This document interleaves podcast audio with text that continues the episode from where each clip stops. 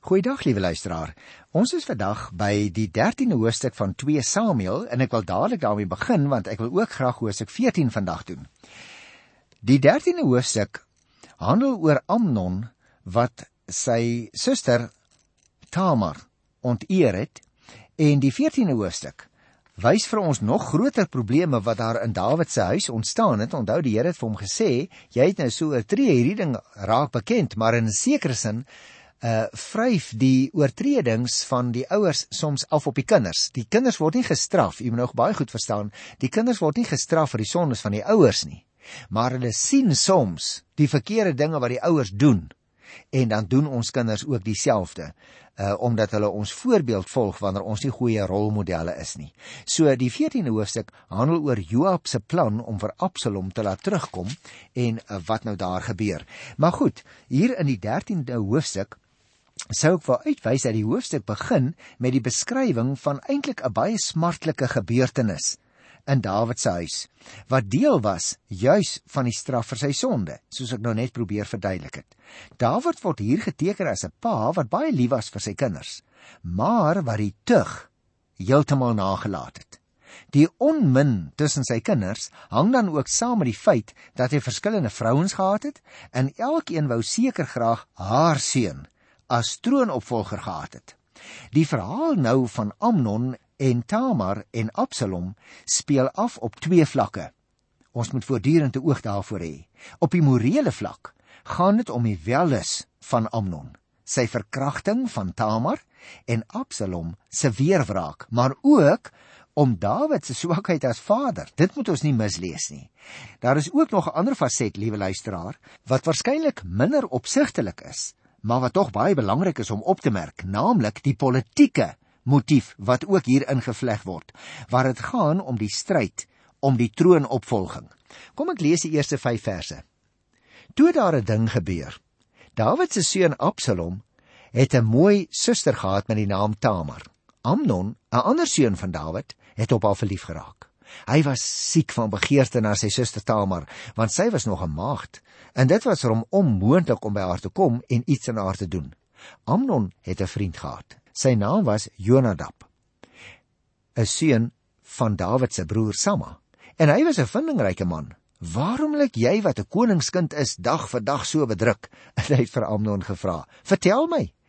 "Dis Tamar, my broer Absalom se suster," was sy antwoord. "Ek is verlief op haar." Jonadab het hom toe aangeraai: "Gaan lê op jou bed en maak of jy siek is. As jou pa dan kom kyk hoe dit gaan, moet jy vir hom sê: "Laat my suster Tamar tog vir my iets te eet bring. Laat sy die ete hier by my kom voorberei dat ek dit kan sien, want ek wil haar eie hande eet." Jy sien die luisteraar op die morele vlak word Amnon as 'n baie swak karakter geteken. Hy brand van welis staan hier maar hy kan dit nie bevredig nie omdat die voorwerp van sy welis sy halfsuster in die vroue kwartiere opgepas word natuurlik. Sy neef Jonadab gee hom egter 'n baie slim plan waarvan ons nou net gelees het. En nou as jy uh, gaan lees in vers 6 tot 17, ek gaan dit nou sommer vir jou so 'n bietjie vertel om 'n uh, bietjie tyd te spaar, dan sal jy nou die verdere verloop daar raak lees. Wanneer Amnon Tamar gryp as sy nou daar inkom en sy maak die kos in die kamer, dan protesteer sy. En sy pleit dat hulle eerder behoort te trou. Nou blykbaar wil dit my voorkom was dit toelaatbaar ten spyte van die baie duidelike eis wat 'n mens kry in Levitikus 18 vers 9 of miskien het hulle gedink hulle kan maar die verordening van die Here so bietjie draai. Nietemin. Sy voer twee argumente aan. Hoe dit haar sou raak want jy sien sy praat van my skande en hoe dit hom Amnon sou raak want sy praat ook van 'n dwaas. Nietemin nogtans verkrag hy haar en dan jaag hy haar uit sy huis uit. Hy's 'n swakkeling hy wil nie sy probleme in die oë kyk nie nê sy wel is dit nou oorgegaan in afskuw vir hierdie halfsuster van hom. En liewe luisteraar dit illustreer juis die verskil tussen liefde en welis. Liefde is gerig op die ander een, op die welsyn ook van die ander een. Welis is gerig op diself, die bevrediging van die eie drange. Vir die wellusteling is die ander net 'n gebruiksartikel wat na gebruik weggegooi word. En dit is presies wat hier gebeur.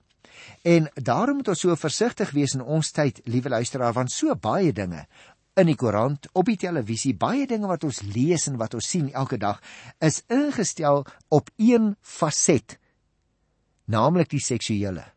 En dit word dikwels uh gebruik om te lei tot welis. En daarom moet ons baie versigtig wees dat ons ook sekere dinge uit ons lewens moet uitskakel dat dat dat ons 'n besluit moet neem ek gaan my nie op 'n dwaalspoor laat lei deur hierdie dinge nie. Nou as ons lees hier van die 18de vers af tot by vers 22 Ek gaan dit nie in sy geheel lees nie. Miskien net begin dan sien jy volgens die gebruik staan daar van die koningsdogters wat nog maagde was, het sy 'n lang mantel met moue gehad. Nadat die slaaf haar uitgesit het en die deur gesluit het, het Tamar stof op haar kop gegooi. Sy het haar lang mantel geskeur, haar hand op haar kop gesit en sover sy loop het sy geskreeu. Haar broer Absalom het toe vra gesê: "Was jou broer Amnon by jou?" "Toe maar my suster, bly nou maar stil. Hy is jou broer."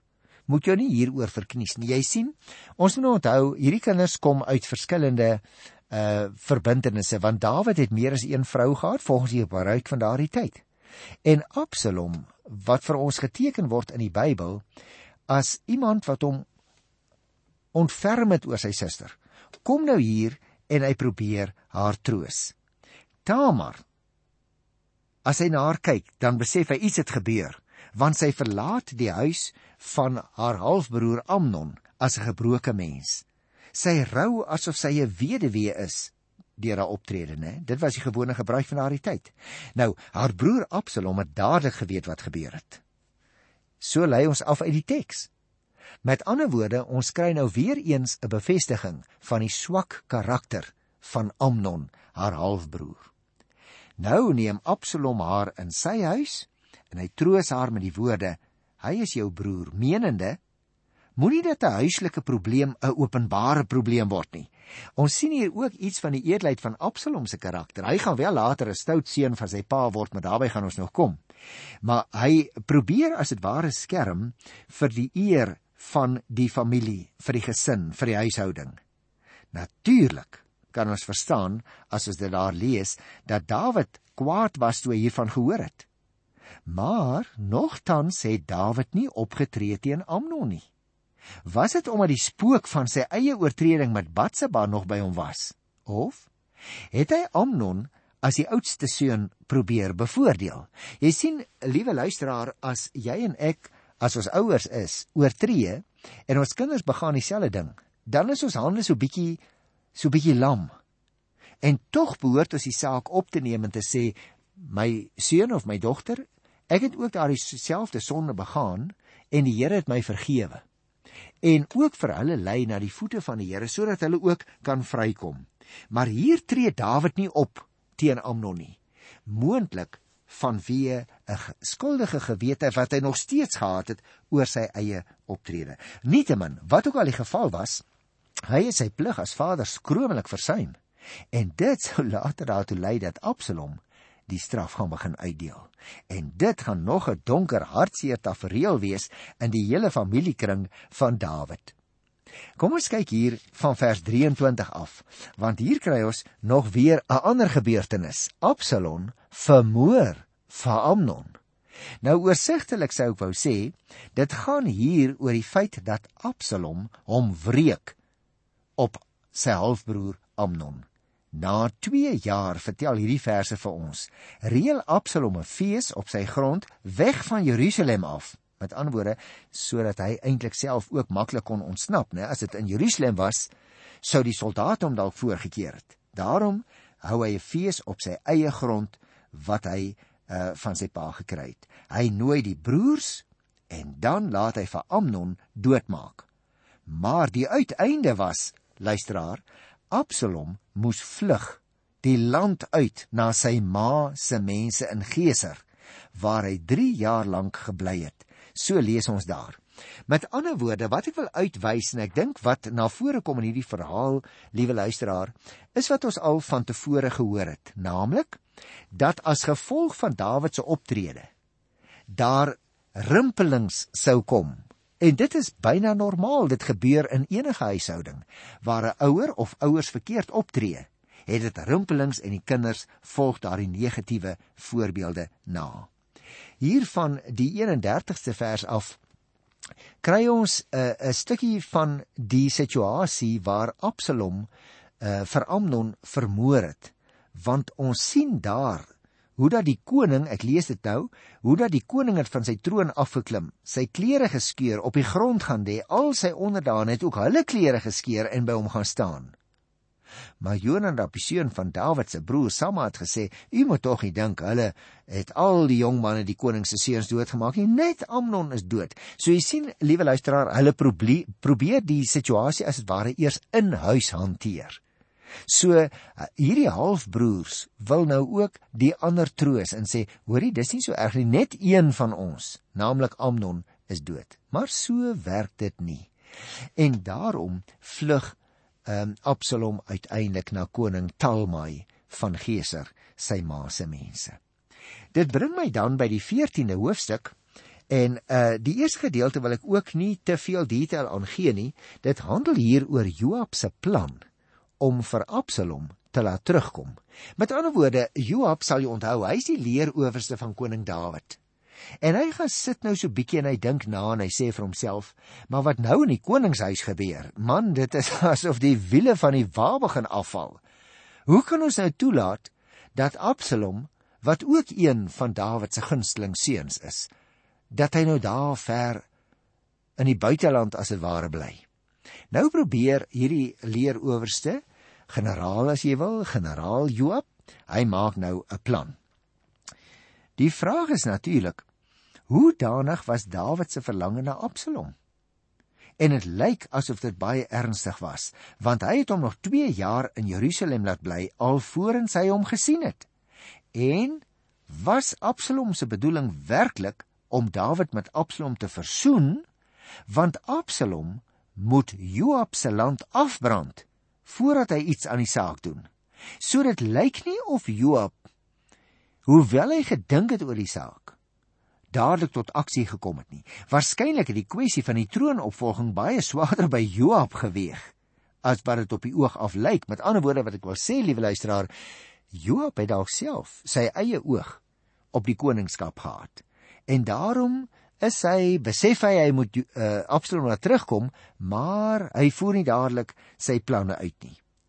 Die vrou van Tekoa, van wie ons hier lees, het haar uitmuntend van haar taak gekwyt. Sy het haar saak gestel sodat Dawid weer eens homself in die struik laat loop. Die Joab se plan is egter suksesvol en Absalom word teruggebring na Jerusalem. Nou liewe luisteraar, Jy kan gerus self die verhaal gaan lees. Ek wil nie die detail daarvan behandel nie, omdat ek baie graag hier teen die einde van die hoofstuk meer aandag wil gee aan die gedeelte waarvan die opskrif is Absalom maak 'n plan om met die koning te praat. Ek het nou nou daarna verwys. So ek gaan dit eers lees en so bietjie behandel en dan gaan ek aan groter detail daaraan aandag gee.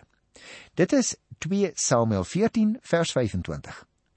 In die hele Israel was daar niemand so mooi soos Absalom nie. Die mense het oral daaroor gepraat, van kop tot toon het hy nie 'n enkele gebrek gehad nie. Teen die einde van die jaar het hy gewoonlik sy hare geskeer, want dit het te swaar geword. Volgens koninklike skaal het sy afgeskeerde hare meer as 2 kg geweg. Absalom het 3 seuns en 'n dogter gehad. Die dogter se naam was Tamar en sy was 'n baie mooi meisie. Hy was al vir 2 jaar lank in Jerusalem terug sonder dat hy die koning gesien het. Toe laat Absalom vir Joab roep om hom na die koning toe te stuur, maar Joab wou nie kom nie. Hy het hom 'n tweede keer laat roep, maar hy het weer geweier om te kom. Absalom sê toe vir sy slawe: "Kyk, Joab het 'n stuk land net hier langs my. Hy het gars daarop. Gaan steek dit aan die brand." Die slawe van Absalom het toe so gemaak. Toe het Joab gou na Absalom se huis toe gekom En waarom steek jou slawe my stuk land aan die brand? vra Joab vir hom. Hy het geantwoord: Man, kyk. Ek het jou laat weet. Kom hiernatoe. Ek wil jou na die koning toe stuur om te vra waarom ek uit Geser gekom het. Dit sou vir my beter gewees het as ek nog daar was. Ek wil nou met die koning praat. As ek skuldig is, laat hy my dan doodmaak." Joab het dit aan die koning gaan meedeel. Toe laat roep die koning vir Absalom en hy het gekom. Hy diep voor die koning gebuig en die koning het hom gesoen. Met ander woorde, dis baie duidelik, liewe luisteraar. Ou Dawid was baie baie bly dat hierdie seun vir hom wat nou vir 2 jaar in Jerusalem is nadat hy teruggekom het uit Geser waarheen hy gevlug het nadat hy vir uh, Amnon doodgemaak het. Hy's baie bly om nou weer sy seun te sien, maar ek wil nou juis hieroor met jou 'n bietjie praat, want ek het nou al herhaalde kere gesê, ons sien hier verskillende gesinskrisisse. Liewe luisteraar, is die Bybel nie 'n ongelooflik wonderlike boek nie? Dit vertel van God, maar dit vertel ook van mense. En daarom wil ek juis oor hierdie gesinskrisis so 'n bietjie gesels. Wie van ons het nou nog nooit 'n gesinskrisis gehad nie? Baie sulke krisisse ontstaan juis as gevolg van 'n gebrek aan kommunikasie. Ons weet nie hoe nie. Ons weet nie wat om met mekaar te gesels nie. Soms ja, dan sny die atmosfeer uh asof met 'n mes, né? Ander kere lei die ouens aan stilstype. Party blaas lawange op, ander gooi die deure toe. Maar kom ek vertel weer vir jou so 'n bietjie die breër agtergrond van die gesinskrisis in hierdie verse wat ek nou net vers vir vers gelees het. Onthou nou, Absalom se halfbroer Amnon het hulle eie suster Tamar verkrag. Absalom het toe twee dinge gedoen: 'n mooi ding en 'n lelike ding. Die mooi ding het ons gelees alreeds in Hosea 13 vers 20. Hy het hom oor Tamar ontferm en hy het haar in sy eie huis ingeneem. Maar hy het ook 'n lelike ding gedoen. Hierdie Absalom, hy het wraak geneem en toe het hy sy broer Amnon laat doodmaak. Ons het dit gelees in Hosea 13 vers 28. Nou, as gevolg van hierdie twee gebeurtenisse sal jy onthou, moes Absalom vlug vir sy pa koning Dawid. En toe hy in Geser gaan bly. Dit was eers deur die bemiddeling van vriende dat Absalom uiteindelik weer toegelaat is om terug te kom na Jerusalem, maar die koning het toegeweier om hom persoonlik te sien. Nou in die verse wat ek nou gelees het, word daar nou 'n hele klompie dinge oor Absalom gesê. Byvoorbeeld positiewe en negatiewe. Ek gaan hulle so vir jou noem. Vers 25 sê hy was baie mooi, hy het geen gebrek gehad nie negatief. Hy het drie seuns gehad, waarskynlik almal dood, want hulle name word nie gesê nie. Positiewe kant vers 27. Sy dogter Tamar was 'n baie mooi meisie. Aan die negatiewe kant vers 28. Hy was al 2 jaar terug in Jerusalem. Positief vers 32. Hy wou met sy pa praat. Negatiewe kant vers 29. Hy was eintlik 'n prins sonder gesag, want Joab, die generaal, vee hom eintlik af aan Absalom maar aan die ander kant weer positief. Mense het vir hom respek gehad want hulle het gebuig vir hom soos voor 'n koning. Aan die negatiewe kant, daar was wraak in sy hart want hy het die land van die generaal laat afbrand. Maar miskien moet ons ook 'n bietjie gesels oor die kind, dan oor die ouer in hierdie verhaal. Absalom is die kind. Nou luisteraar, reg of verkeerd, wil Absalom wraak neem oor sy broer wat sy suster verkrag het.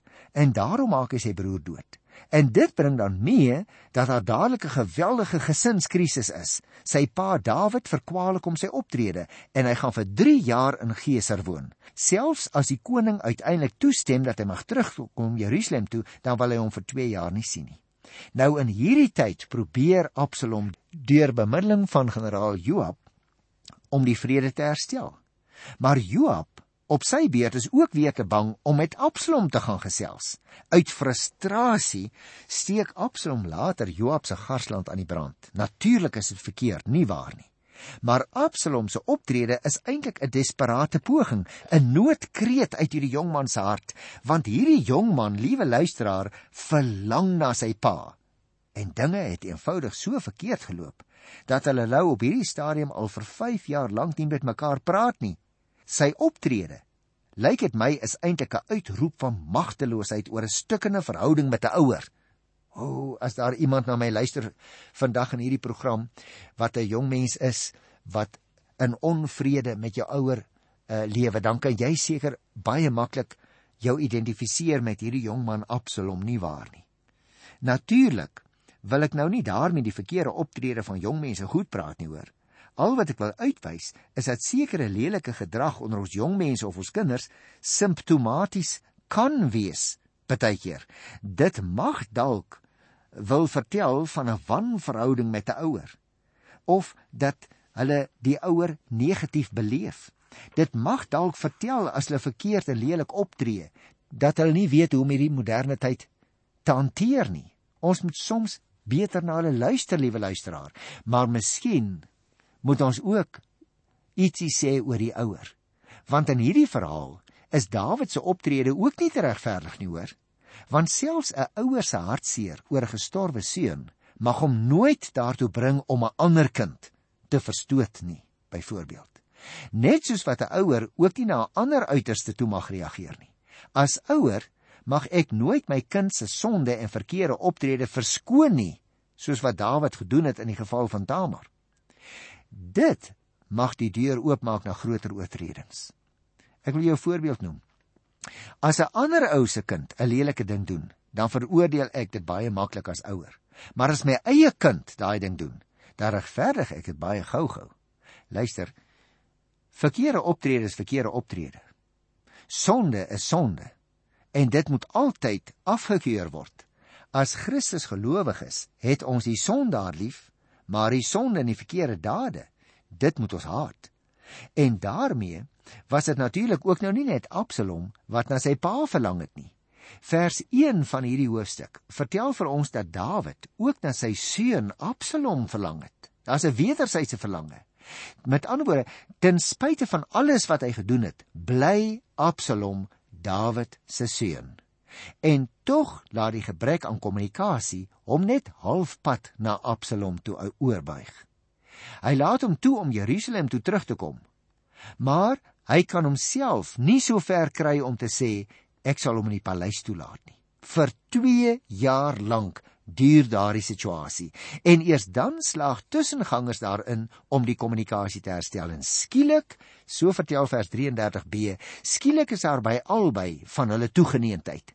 Want juis hierdie kontak met mekaar was hulle diepste behoefte. Absalom is skielik bereid om voor die koning te buig. En Dawid gee ook aan sy kant weer nie om dat ons weet hy het sy seun gesoen nie. Hulle was albei so bly. Nou wat beteken dit vir vandag, liewe luisteraar? Mag ek 'n paar riglyne gee as jy 'n jong mens is of 'n kind?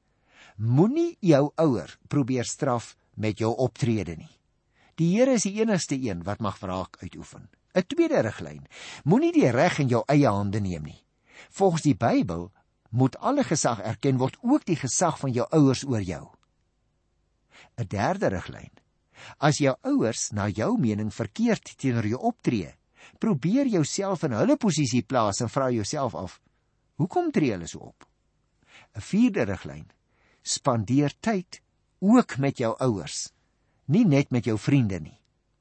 'n Vyfde een. Leer om eers na jou pa in die hemel te kyk dan sal jy ook met sagter oë na jou pa hier op die aarde kan kyk. As jy ouer is, mag ek vir jou 'n bietjie riglyne gee? 1. Jy moet jou kind straf, ja. Die Here verwag dit van jou, maar jy moet hom of haar nie stikkend maak en verneder nie. 'n Tweede riglyn. Jy moet gesag oor jou kind uitoefen as jy die Here se woord ernstig neem. 'n Derde een: As jou kind voortdurend verkeerd en sondig optree, probeer jouself ook partykeer in hulle posisie plaas. Dalk is hulle optrede simptomaties. Dalk is dit 'n kreet om 'n slag gehoor en verstaan te word, liewe luisteraar. 'n Vierde riglyn: Spandeer tyd ook saam met jou kinders en nie net met jou vennote en jou besigheidsmense en jou vriende nie. En baie belangrik, liewe luisteraar, in die tyd waarin ons lewe, staan ons as ouers soms so hoog dat ons kinders dink hulle sal nooit kan kom waar ons is nie. Hulle raak moedeloos as hulle nie werk kry in hierdie tyd waarin ons lewe nie. Onthou om hulle by te staan. 'n Laaste riglyntjie. As jy glad nie meer met jou kinders kan vorder nie en die afstand word al groter, gesels met iemand anders daaroor, met jou pastoor of met jou leraar of met 'n ander buitestander wat miskien meer objektief kyk, vra raad. Maar probeer ouers en kinders probeer om ten alle koste die kommunikasie te herstel. waarvan ons lees hier in 2 Samuel 14. Ek groet julle almal met groot liefde in die wonderlike naam van ons Here Jesus Christus, die koning. Tot volgende keer. Totsiens.